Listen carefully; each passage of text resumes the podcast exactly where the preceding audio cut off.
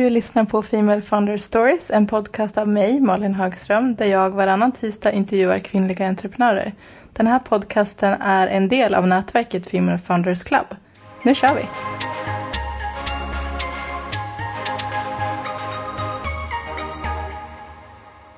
Hej och välkomna till Female Founders Stories. Det här är en podcast om entreprenörskap och mindset. Idag sitter jag här med Elvira Eriksson som har grundat Mockberg. Och då lämnar jag över frågan till dig Elvira. Vad är din story och hur kommer det sig att du driver Mockberg? Mm. Eh, tack för att jag, fått kom, eller att jag får vara med. Det började egentligen för, eh, ja, är det fem år sedan ungefär. Eh, när jag kom hem från USA. Jag hade pluggat utomlands.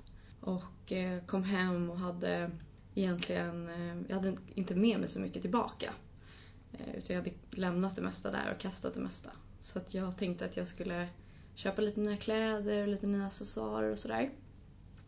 Och eh, jag hade aldrig ägt en klocka egentligen. Jag hade fått någon sån här Michael Kors klocka eh, någon gång när jag var tonåring men sen, den, sen dess hade jag liksom aldrig ens tänkt på att köpa en klocka.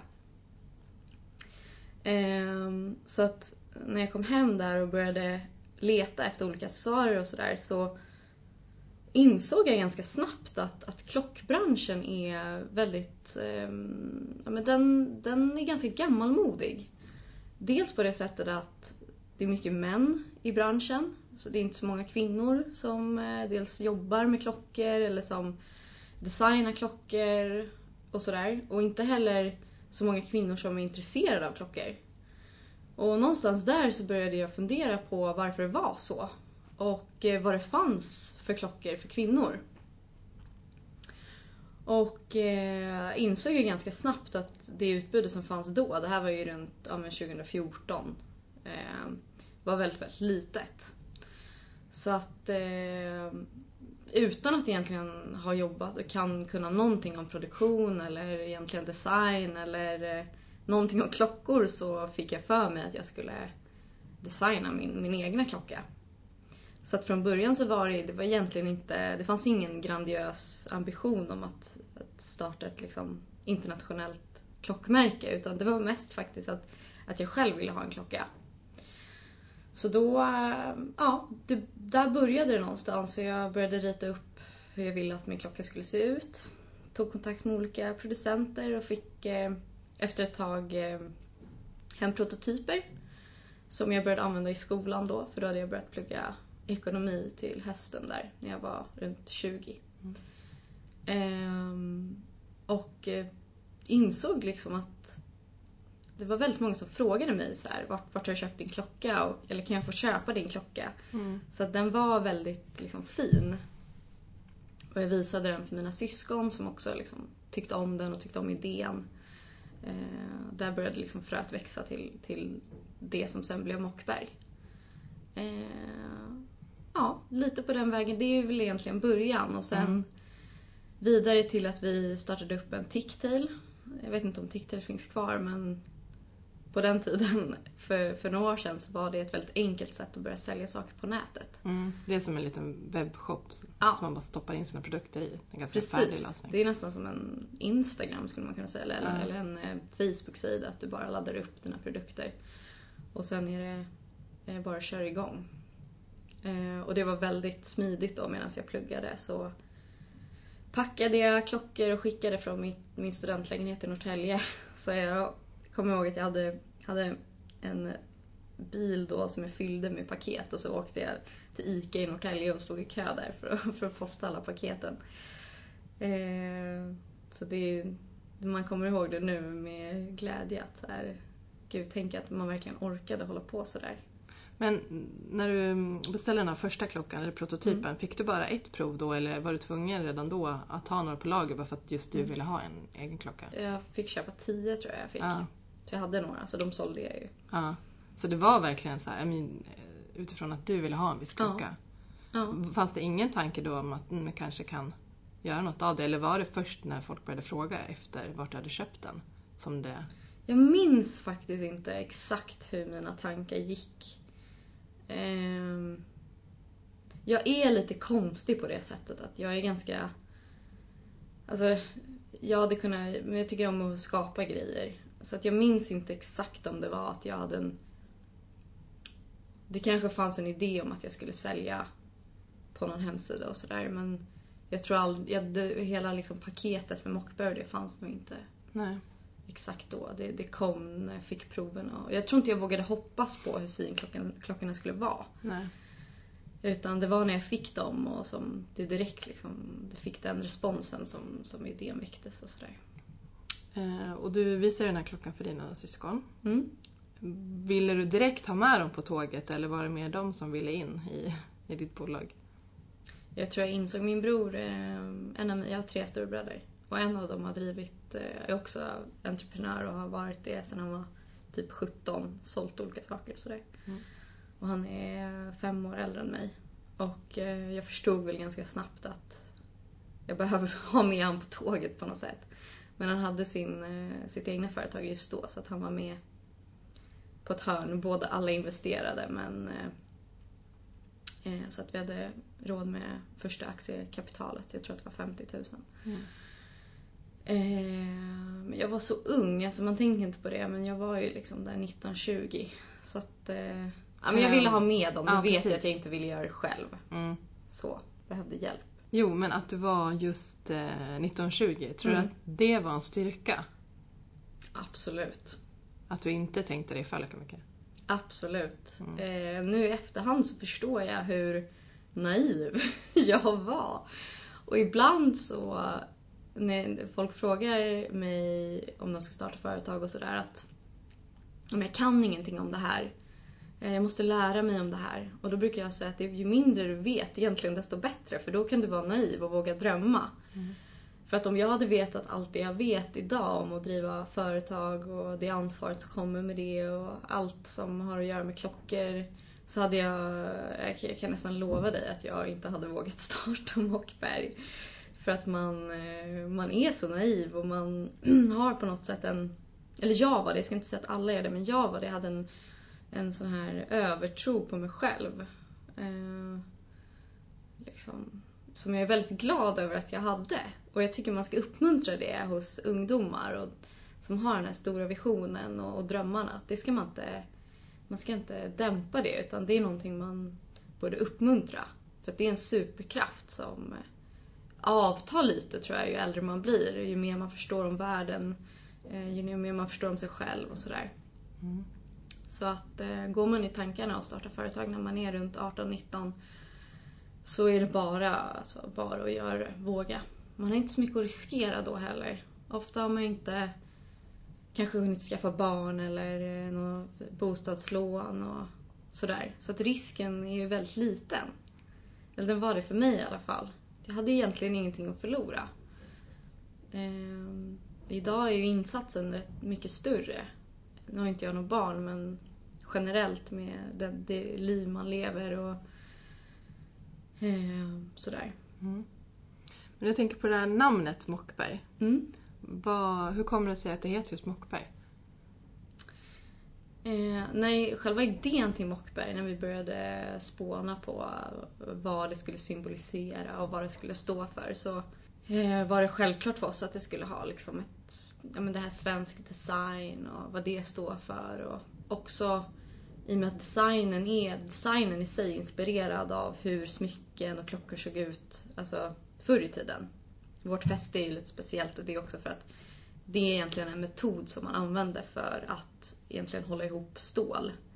Eh, Att man vek över och satte nitar. Så att när vi började spåna på det och började läsa, eller jag började egentligen googla runt lite om liksom svensk smyckesproduktion. Så insåg jag att, eller förstod att i Sverige så har man producerat smycken i Dalarna. eh, Längs Siljan, där har det varit stor smyckesproduktion. Och där finns det ett berg som heter Mockberget. Eh, och vi tyckte det var ett så fint namn så att eh, vi tyckte att Mockberg var ett fint sätt att hedra svensk smyckes och klocktradition. Så att det är det det står för, Mockberget. Fint. Ja, visst är det. Ja, Jag verkligen. älskar namnet, det är så vackert. Nu är jag lite partisk också när jag är från Dalarna, men superfint. Ja. Dalarna är magiskt. Ehm, men Okej, ni körde igång, du fick med dig dina syskon. Mm.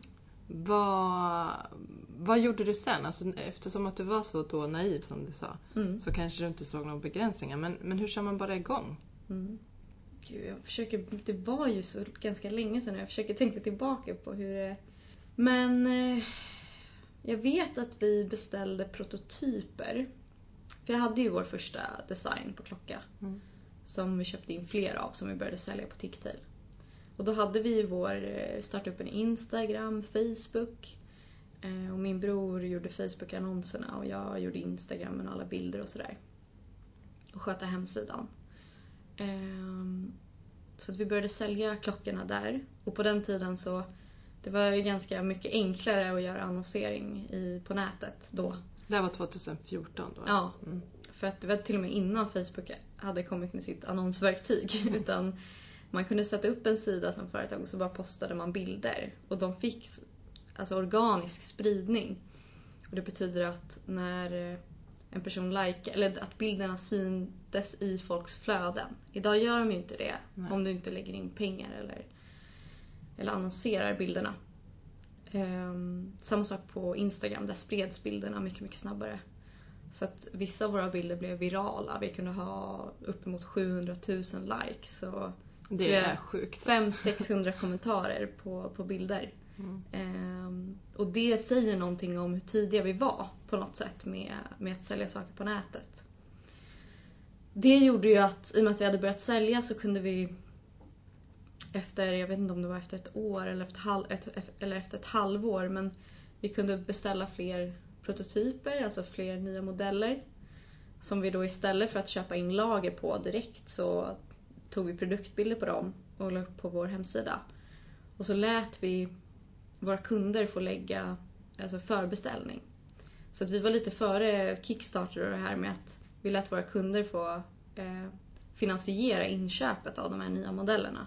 Så um, det gjorde ju att vi fick eh, en bra kassa från början och kunde börja beställa lager och eh, sen vidare då lansera hos återförsäljare. Eh, och på den vägen har det varit. Har det varit självklart att, eh, att sälja via återförsäljare också och inte bara mm, hålla hela kedjan själv? Eh, nej, det har inte varit självklart. Men ju mer man lär, lär sig om klockbranschen så förstår man att vi säljer ändå en klocka. Alltså klockor är dyra att producera, de är ganska dyra att köpa. De har ändå en mekanik och folk vill gärna komma in och byta batteri eller laga sina klockor och sådär. Så att ehm, alltså after sale service är ganska viktigt när det kommer till klockor. Mm. Och det underlättar då ju såklart om man har återförsäljare.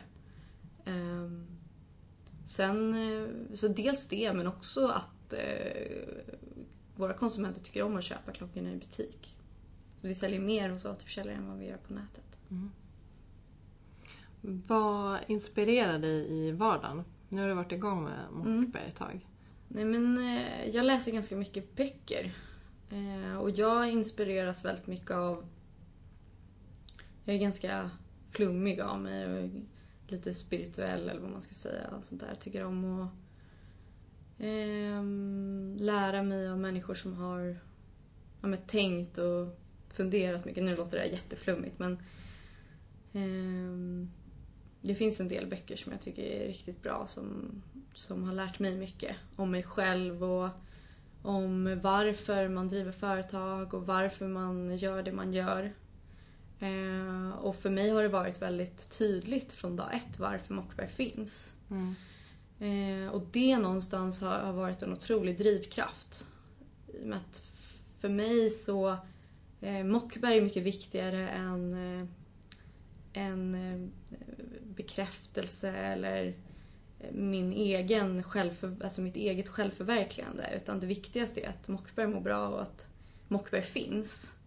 Det är större än, än dig själv? Det är större än mig själv. Mm. Och det har varit en drivkraft att, att se till så att Mockberg finns kvar och att det växer. Eh, för att jag är så otroligt övertygad om att, att, eh, att vi har en plats i, i klockbranschen. Och att det behövs ett märke som Mockberg som designar och tillverkar klockor till kvinnor. Eh, och designas som designas av kvinnor också för eh, att passa kvinnliga smycken och ja, outfits och allt sånt där. Mm. Eh, och sen hinner man inte, alltså när man jobbar så mycket så ett vanligt svar kanske är att man går på föreläsning eller att man sitter och tittar på TED-talks och sånt där. Men mycket av min inspiration kommer inifrån och den här drivkraften att vad behöver jag göra idag för att Mockberg ska finnas kvar? Det, är- det är det man vaknar för varje morgon. Att säga, okej, vad behöver vi göra idag? Mm. Vad behöver jag göra för att vi ska lyckas med de här målen? Eh, och var den drivkraften kommer ifrån, det, det vet jag inte. Jag tror att när man, när man hittar en passion för någonting eller någonting som känns så viktigt så, så kommer den nog ganska naturligt. Det går nog inte att fejka det, det går nog inte att tvinga fram det. Utan det kommer från, från hjärtat och från ens liksom, hela själ. Mm. Att man, eh, man klarar inte av att inte kämpa för det. Men okej, jag tänkte på de där böckerna. Ja. Vilka är dina favoritböcker? Min absoluta favoritbok som, som jag också hör andra prata mycket om, som många har läst. Det är Eckart Tolle, eh, Lev livet fullt ut. Mm. Har du hört talas om den? Ja, jag Ja, läste läste den. Ja. Då förstår du vad jag menar. Och det, den lär ju en förmågan att, eh, att vara i nuet egentligen. Det är det den handlar om. Att förstå att eh, problem är egentligen inte problem. Utan det är någonting som våra huvuden hittar på.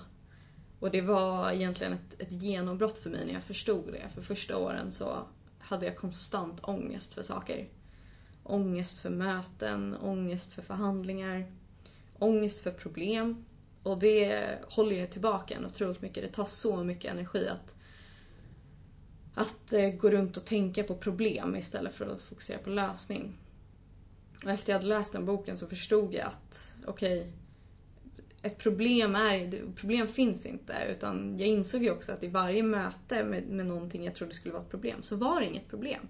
Utan det var bara jag som satt mitt emot en person och det var lugnt. Mm. Oavsett om världen rasar så är det bara två människor som pratar. Och i 99,9% av alla fallen, så, alla problem, så löser det ju sig. Det har alltid löst sig.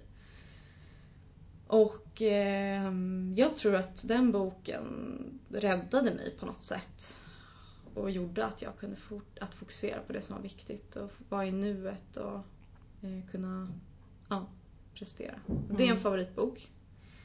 Och sen har jag en annan favoritbok, har läst många böcker men mm, också en sån här go-to som jag läste ganska nyligen i vintras var, är The Art of Not Giving a Fuck.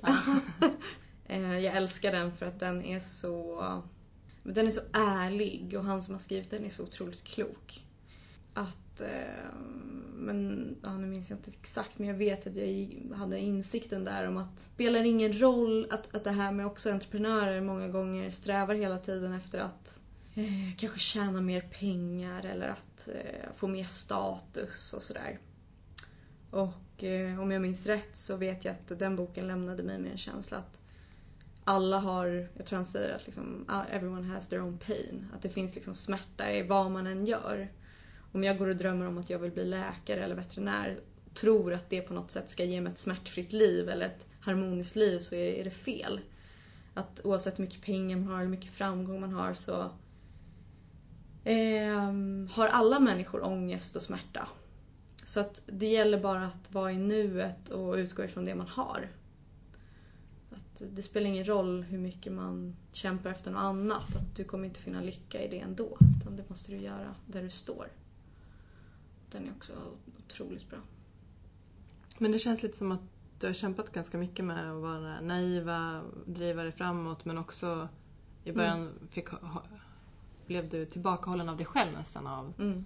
tankar på alla problem. För det, Mm. det är klart att det kommer ett här gigantiskt ansvar med att driva Mm. bolag också. Mm. Men eh, är det verkligen böckerna som har...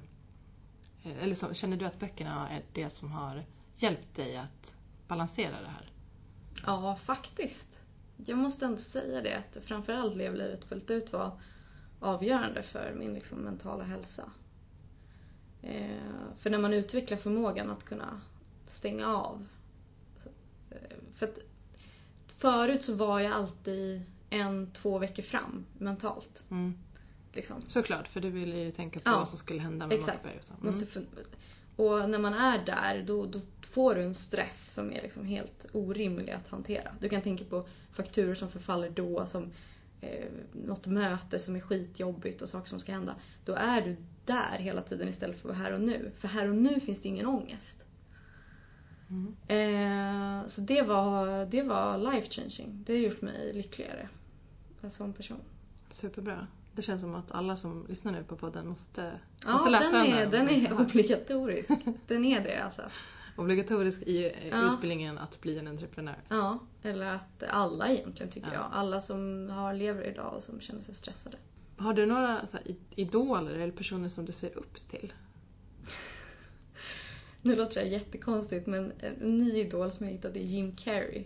Mhm. Ja, Känner där får du till hans, utveckla. eh, nej, men han, nu har jag precis upptäckt honom här så att jag har inte jättemycket information men han, vad jag förstått det som så... Du menar skådespelaren? Ja, absolut. Vad jag förstått det som så nådde väl han en punkt. Det verkar som att han har någonstans gått in i väggen eller liksom varit väldigt olycklig och liksom har lyckats vända det. Och kommit till jättemycket insikter om livet. Eh, och man, man kan söka på Jim Carrey quotes eller något sånt där. Så får man upp eh, så mycket kloka saker. Mm. Eh, Oväntat ändå. Ja, jag, kan, jag har faktiskt ett quote som jag tycker var så bra. Mm. Ehm, som jag läste i morse. Ska se. Eh, Jag håller på och skickar hans quote också till alla mina vänner hela tiden. De tycker jag är jättejobbig. Får liksom upp Jim Carreys eh, ansikte. Det här var ett quote som jag läste i morse. Eh, I think everybody should get rich and famous and do everything they ever dreamed of so they can see that that is not the answer. Mm, fint. Eller hur? Nu svarade du redan på min sista fråga som jag hade. Vilket är ditt favoritcitat? Men vi tar det sen. Ja, exakt. Ja, det där kanske inte är just det, Nej. men, men äh, bara säger liksom hur, hur klok han är. Eh, Jag tänkte lite på det här, eh, bara som du snuddade vid när du pratade om böckerna. Mm. Eh, Att det kanske inte är status och det som, som driver dig. Och, Mm. Utan mer typ att Mockberg ska finnas kvar. Mm. Det känns som att du är ganska anonym ändå som entreprenör. Du gör, Mm. du gör inte jättemånga intervjuer. Nej. Du känns väldigt så selektiv. Mm.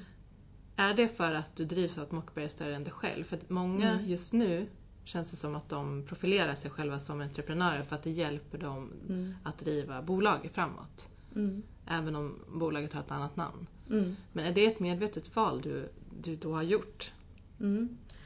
Det där är så himla svårt för att först- det är sant som du säger. Jag tror att många tror att de behöver synas och höras för att deras bolag ska gå bra. Ja, lite så entreprenörs-influencers nästan. Inte entreprenörs influencers. Och det kan vara att det är så. Jag vet faktiskt inte. Men jag tror inte att... Jag tror att våra kunder köper Mockberg för att de älskar Mockberg. Inte för att de tycker jag är... Ja, men för att de tycker om mig. Nej. Jag tror det är två helt skilda saker. Eh, och jag vill inte heller att de ska köpa Mockberg för att de tycker om mig. Utan Mockberg har sin, är sin egen person. Eh, Mockberg är helt frånskilt mig. Eh, så att, jag, ja. Och sen... Sen kanske jag har fel. Men det är vad jag tror. Jag tror inte att eh, det nödvändigtvis korrelerar. Nej. Däremot så tycker jag om att hjälpa andra. Och det är därför jag ja, men ställer upp typ, på den här podcasten och jag har varit med i några andra podcast också. Mm. För att där blir det mer att eh, hoppas att jag kan hjälpa någon eller att inspirera någon. Mm. Men det här med att synas på sociala medier och sådär, det, det har jag ju nog inget behov av på det sättet. I alla fall inte öppet. Vad tror du att dina drivkrafter kommer ifrån? Jag, nej men jag tror ju att på något sätt att allt kommer från uppväxten. Att eh, man, man blir nog lite den man är när man växer upp. Och eh, mina föräldrar eh, var väldigt tydliga med att vi, eh, ja, men att vi eh, skulle eh, ja, men kämpa på något sätt. Och jag vet inte, även om vi hade det väldigt bra så var det ändå på något sätt något som gnagde att ni måste se till så att ni får det bra i livet. För att det finns inget, det finns ingen hjälp här, det finns inga pengar eller inget... Vi kommer inte kunna eh, försörja er. Nej. Utan att ni måste se till att sköta skolan och skaffa er bra jobb och kunna ta hand om er själva. Det var väldigt tydligt. Och mina föräldrar kämpade väldigt hårt för det. Att eh, sköt nu skolan och eh, se, till och, se till att göra något bra av den här tiden ni har på jorden. Det var väldigt tydligt. Du nämnde lite snabbt att din bror också var entreprenör. Ja. Är dina föräldrar också det? Eller kommer entreprenörskapet, har det börjat med er syskon? Mm, det började med Daniel egentligen, Mm. min äldre bror. Eh, nej, ingen av dem är entreprenörer. Och kan ingenting om det och inte ekonomer. Min mamma är barnmorska och min pappa är eh, ingenjör. Eh, tror jag att han är. Jag jobbar på Ericsson. Så ingen koll. Men eh, de, eh, de har alltid varit väldigt de har varit roliga på det sättet att de har alltid sagt att vi är mycket smartare än dem. Och gud, hur kan ni vara så smarta? Hur kan ni vara våra barn? Och sådär. Så att de har, nog, de har nog planterat en hybris i oss alla att vi, är liksom, att vi kan komma mycket längre än vad de gjorde. Mm.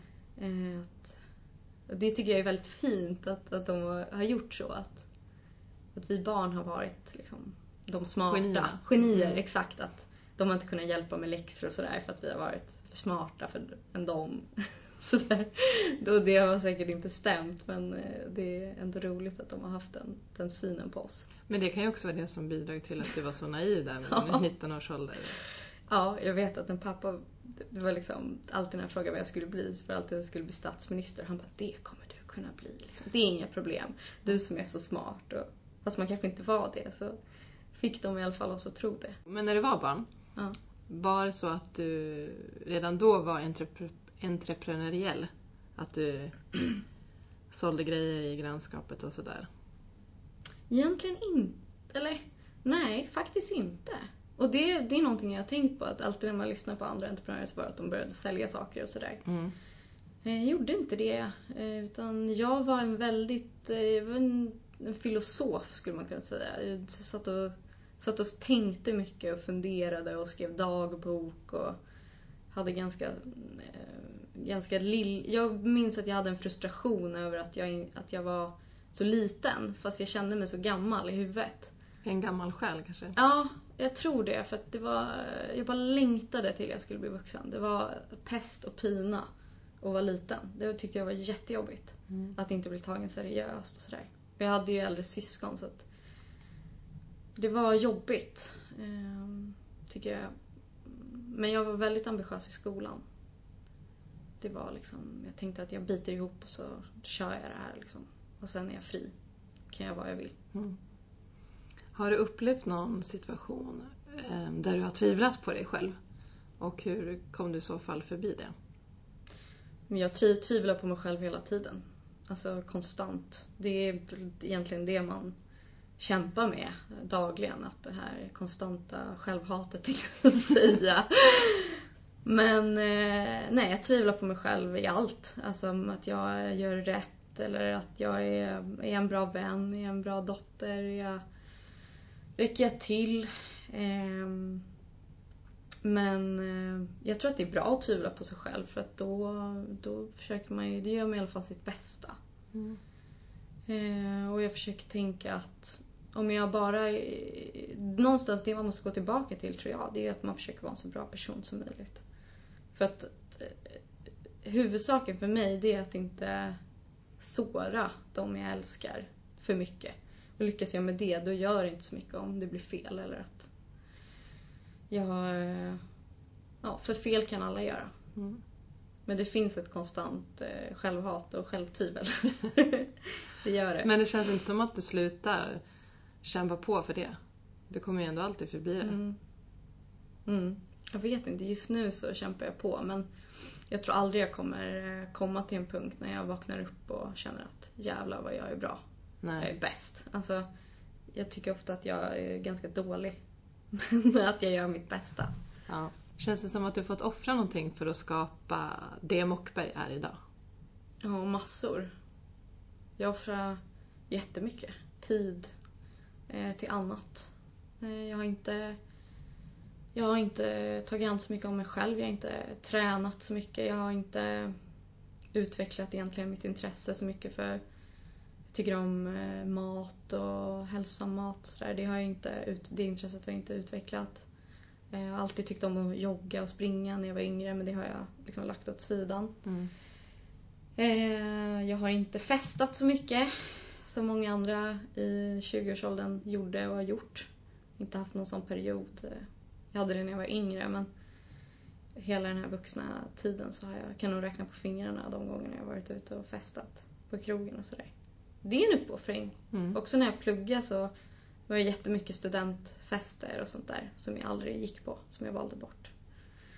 Eh, och det, så är det och det, får jag, det säger jag ofta till de som ska precis starta. Att du var beredd på att offra.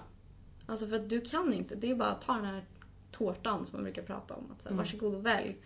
Du kan inte ha alla bitar. Alltså, du måste välja bort någonting. Eh, det, det går inte. Det, du kan inte. Man har alla samma timmar på dygnet. Du kan inte få allt. Utan att, att driva företag, det är mycket, mycket mer. Alltså det är extremt mycket jobb. Och det ska man vara beredd på. För att ha, annars, om man inte är beredd på det så är det ingen idé att man startar det. Det går inte att göra det med halva handen. Känns det som att här, vänner och familj har förstått det? Ja, absolut. Absolut. De har ju varit den största supporten. Framförallt min sambo Fredrik, han har ju varit med från början. Och eh, ja, men aldrig klagat, eh, bara hjälpt mig och ja, supportat. Och samma med familjen, att när man har, efter en jobbvecka så har man kommit till landet och så bara lagt sig på soffan och bara blivit omhändertagen av mamma Mm. och pappa. Så att de har varit jättebra stöd. Har de varit oroliga någon gång för ni syskon att ni ska jobba för hårt? Ja, de är det hela tiden. De är så oroliga. Det är nog mamma och pappas stora ångest. Att de är rädda att vi, eh, ja, men att vi eh, blir utbrända eller att vi mår dåligt. Mm. Att, av liksom, den psykiska pressen på något sätt. Att det skadar oss. Vad trodde du när du, alltså, eller, när du startade? Mm. Då kanske du hade vissa föreställningar om vad du trodde skulle vara superrelevant och att fokusera på Mm. för att få bolaget att växa. Är det någonting av det som du känner nu bara, det där bör man inte ens bry sig om för det är inte det som tar dig framåt? Gud, vad var det jag tänkte då innan som inte är relevant? Men jag tror att jag kanske trodde att, att ett varumärke måste vara så otroligt kreddigt. Alltså jag tror jag hade en fel bild av att ett varumärke måste, ja, men det ska bara finnas på vissa typer av personer. Om jag jobbar med influencers och sådär så ska det bara vara en viss profil som passar Mockberg och det ska vara väldigt liksom, noggrant, bilder och så. Allt ska andas varumärket. Det är en sån här grej som jag verkligen förstått att okej, det, där är, det där stämmer inte. Att varumärken byggs ju av de som bär produkterna. Som din syster som har Mockberg, hon, Mm hon eh, bygger ju Mockberg. Och hon behöver inte vara exakt en Mockberg, alltså spegla exakt vår profil. Utan eh, det viktigaste är att, att, att människor bär produkterna. Att det är det som bygger varumärken. Inte att, att de syns på rätt människor. Ehm, så att ett, ett varumärke behöver inte vara... Jag tycker ibland att eh, folk som startar bolag är så rädda för att det inte ska vara så kreddigt. Att det ska vara så coolt och så smalt och så litet. Men då stannar det också där. Att det är bara litet. Och, och det är fine, det kan vara så. Men, men vad är ens ambition? Vill man bli ett, ett större företag, eller i alla fall ett medelstort företag, då måste man nå en bredare publik. Och ganska fort också, för att det är en konkurrens och det är... eh, Det får inte gå för långsamt heller innan man når dit. Hur känns det när du är ute på stan och ser att tjejer bär dina klockor? Det är, lyck, det är lycka varje gång. Man blir lite så mysig. Ja, man blir så glad. Alltså, jag tänker bara varje gång jag ser någon, och det händer ganska ofta, i alla fall på tunnelbanorna och sådär, så, så tänker jag alltid att herregud, hur blev det så här? Det, det är så häftigt, det är så mäktig känsla. Eh, Jag är bara så glad att, eh, att jag, för jag vet att de som har våra klockor älskar dem. Alltså de älskar dem så mycket. Eh, Och det är någonting vi har gjort då, som vi har gjort rätt. Och jag är bara glad att, att få eh, få dela den kärleken till Mockberg med andra. Vi pratade ju lite om det som inte har varit relevant. Men jag tänker, vad har varit viktigast för dig för att komma dit du är idag? Um, antingen personlighets-mindsetmässigt eller rent entreprenör entreprenöriellt. Jag tror att det är två saker. Dels att eh, jobba hårt, alltså extremt hårt och mycket. Eh, och jobba ganska snabbt. Man får inte vara för långsam med saker. Det tror jag har varit avgörande. Sen också att lyssna på andra med mer erfarenhet som har gjort samma liknande resor. Att eh, man får inte, det, det är en fin balans mellan att bli förvirrad av andra människors åsikter och glömma bort vad man tycker själv. Men att välja ut detaljerade områden där du inte kan någonting och lyssna på hur, hur du borde göra. Också lyssna på rätt personer och inte lyssna på de som det inte har gått jättebra för. Nej. Eller de kan du lyssna på också om de berättar vad de skulle gjort istället, vad de lärde sig av sina misstag. Men eh, var, var lite försiktig med vilka du lyssnar på och de du känner att de, det här är bra, då liksom, sug in den kunskapen och försök göra samma. Letade du efter så mentorer när du började? Inte, nej. Egentligen inte. Utan jag hade ju Daniel, min bror, som hade några års erfarenhet. Så han och hans nätverk har ju varit ett bollplank såklart. Eh, men eh, annars inte. Det har kommit längs vägen personer som driver mycket större företag eh, som har mer erfarenhet och har gjort samma sak. Så de bollplank. Vad har varit det svåraste beslutet att ta när det gäller ditt entreprenörskap? Men det finns nog flera saker, men jag tror att generellt så det som är svårt i entreprenörskap, det är att ta beslut, större beslut som handlar om risk. Att våga riska för att växa. Och ibland så går det bra och ibland så går det jättedåligt. Och eh, någonstans så måste man våga ta den risken eh, för att växa. För gör man inte det, då står man liksom på samma plats. Eh, och varje sånt beslut när det står mycket på spel och det kan vara pengar och det kan vara lager och det kan vara relationer och allt möjligt, då är det ju jobbigt. Och det har varit flera sådana beslut som vi har, vi har tvingats ta. Det skulle jag säga, så det är flera sådana. Jag kan nog inte säga en, utan flera, flera händelser som, in, som innefattar risk har varit svårt. Vad gör du om fem år? Mm. Bra fråga. Nu lever du här och nu så att du kanske inte vill Fem tänka. år är ju väldigt långt. Ja. Då är jag 31. Uh, nej, jag vet faktiskt inte. Jag jobbar säkert kvar med Mockberg. Uh, det tror jag. Troligen med ungefär samma saker. Om du skulle mm, få bestämma vad du blir ihågkommen för, vad skulle det vara då? Att jag var snäll och omtänksam. Det är det viktigaste. Alltså... Mm. Har du upplevt någon form av avundsjuka kring ditt företag eller kring att du byggt bolag? Eh, nej, inte från mina vänner. De har inte varit avundsjuka. De har bara supportat mig och varit i, ja, men, köpt alla grejer och varit jättegulliga. Eh, så faktiskt inte. Jag trodde nog det skulle kanske vara mer, men eh, nej. Sen så har inte jag varit så mycket i såna här nätverk och sånt. Nej. Så att det kan ju vara att det är de när det är eh, kvinnor eller killar som driver liknande saker, då kanske det är mer konkurrens.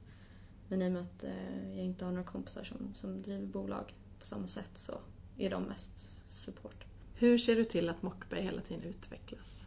Jag tänker, du driver väl den Mm. kreativa processen också? Mm. Det är ju en sak med designen men Mm. du driver ju också bolaget och expanderar i, på nya marknader och ni finns ju över hela världen i princip. Ehm, jag tror Daniel, min bror eh, som är VD, han, eh, han är väldigt bra också på att följa trender. Eh, till exempel han var snabb på att vi skulle börja göra limited editions för influencer och sånt där. Mm. Och ehm, där vill jag också, vi, det är väl vi tillsammans som har en känsla för vad eh, som kommer härnäst och vad man borde göra. Sen är inte vi experter men jag tror i kombinationen av att följa trender men också att våga vara lite annorlunda, tror jag. Att eh, våga utmana hur eh, klockor presenteras i butik eller Mm. vi har alltid haft lite annorlunda displayer till exempel. Lite annorlunda färger, våra bilder sticker ut. Att våga gå tillbaka till sig själv och tänka så här: okej, hur hade jag velat... Hur vill jag mötas av ett varumärke i butik? Mm. Och istället för att säga, okej, hur ser det ut i butik? Så borde det se ut. Utan att våga vara lite innovativ i, i eh, hur ens märke presenteras eller hur man sticker ut och sådär. Och testa nya säljkanaler och sånt. För att eh, vi är också i en tid nu när, eh, det brukar beskriva det som att man sitter i en rollercoaster och håller i sig bara för att man är på väg åt liksom jag vet inte vart just nu med vad gäller retail och vad gäller e-handel och annonsering och sådär. Så att varje dag är liksom, okej vad är nästa grej, vad gör folk nu? Och det gäller att hålla, hålla i sig och hänga på. Tänkte, vi pratade lite om det tidigare när, när ni startade så, var, så kunde ni få Mm. Alla era bilder kunde bli supervirala. Mm. Men det var en annan tid och nu, Mm. nu är det otroligt konkurrensutsatt. Mm. Hur jobbar ni med sociala medier idag?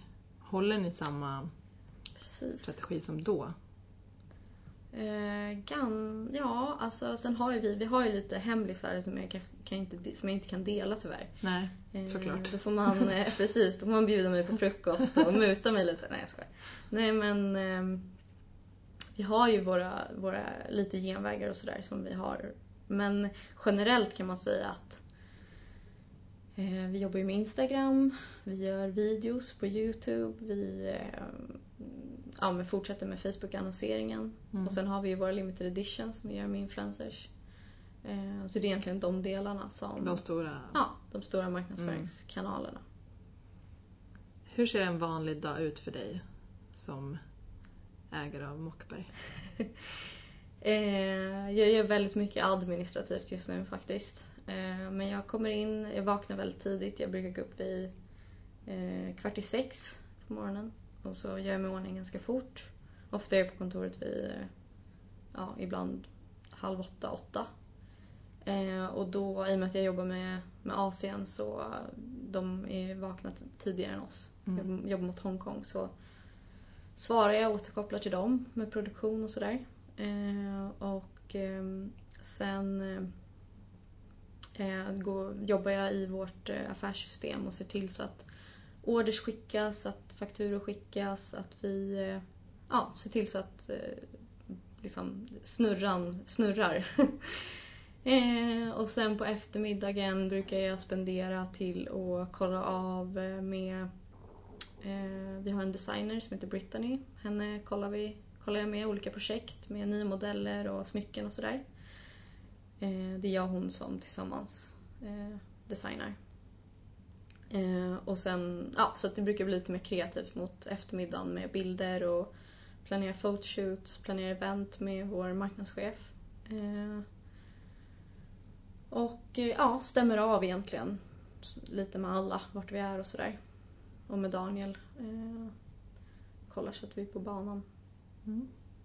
Så man får hel, en helhetsbild av vad det är som händer. Jag, jag är, har kontrollbehov som många andra eh, som driver företag har. Så att man vill gärna veta allting. Är det någonting, ett beslut eller, eller ja, men någonting som rör utvecklandet av Mockberg som du kan känna så här i efterhand, nej det där skulle jag nog vilja haft ogjort? Och massa saker, tror jag. Alltså vissa modeller alltså, som man har lanserat som inte varit något bra. Man har beställt för mycket lager Mm. på vissa modeller. Eh, Men å andra sidan, jag vet inte heller om, om, om, de, om de sakerna var ogjorda om hade varit där det är. Nej. Att eh, någonstans så Mockberg är ju summan av alla händelser.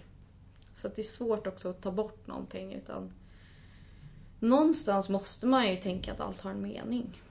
Annars går det ju inte. Annars gräver man ju ner sig själv i ett hål. Liksom. Så att våga lita på att eh, allt har en mening. Så jag ångrar nog egentligen ingenting. Jobbar du aktivt på ditt mindset? Det känns som att du är lite inne på personlig utveckling och som du nämnde tidigare att du var spirituell. Alltså, det inte, Mm. tycker det är intressant och så. Ja, hela tiden. Jag tycker att... Eller jag är helt övertygad om att genom att jobba inåt så kan man bli en bättre person. Jag tror, eller jag hoppas det, att jag har blivit en bättre person. Jag tror jag har fått höra det också att...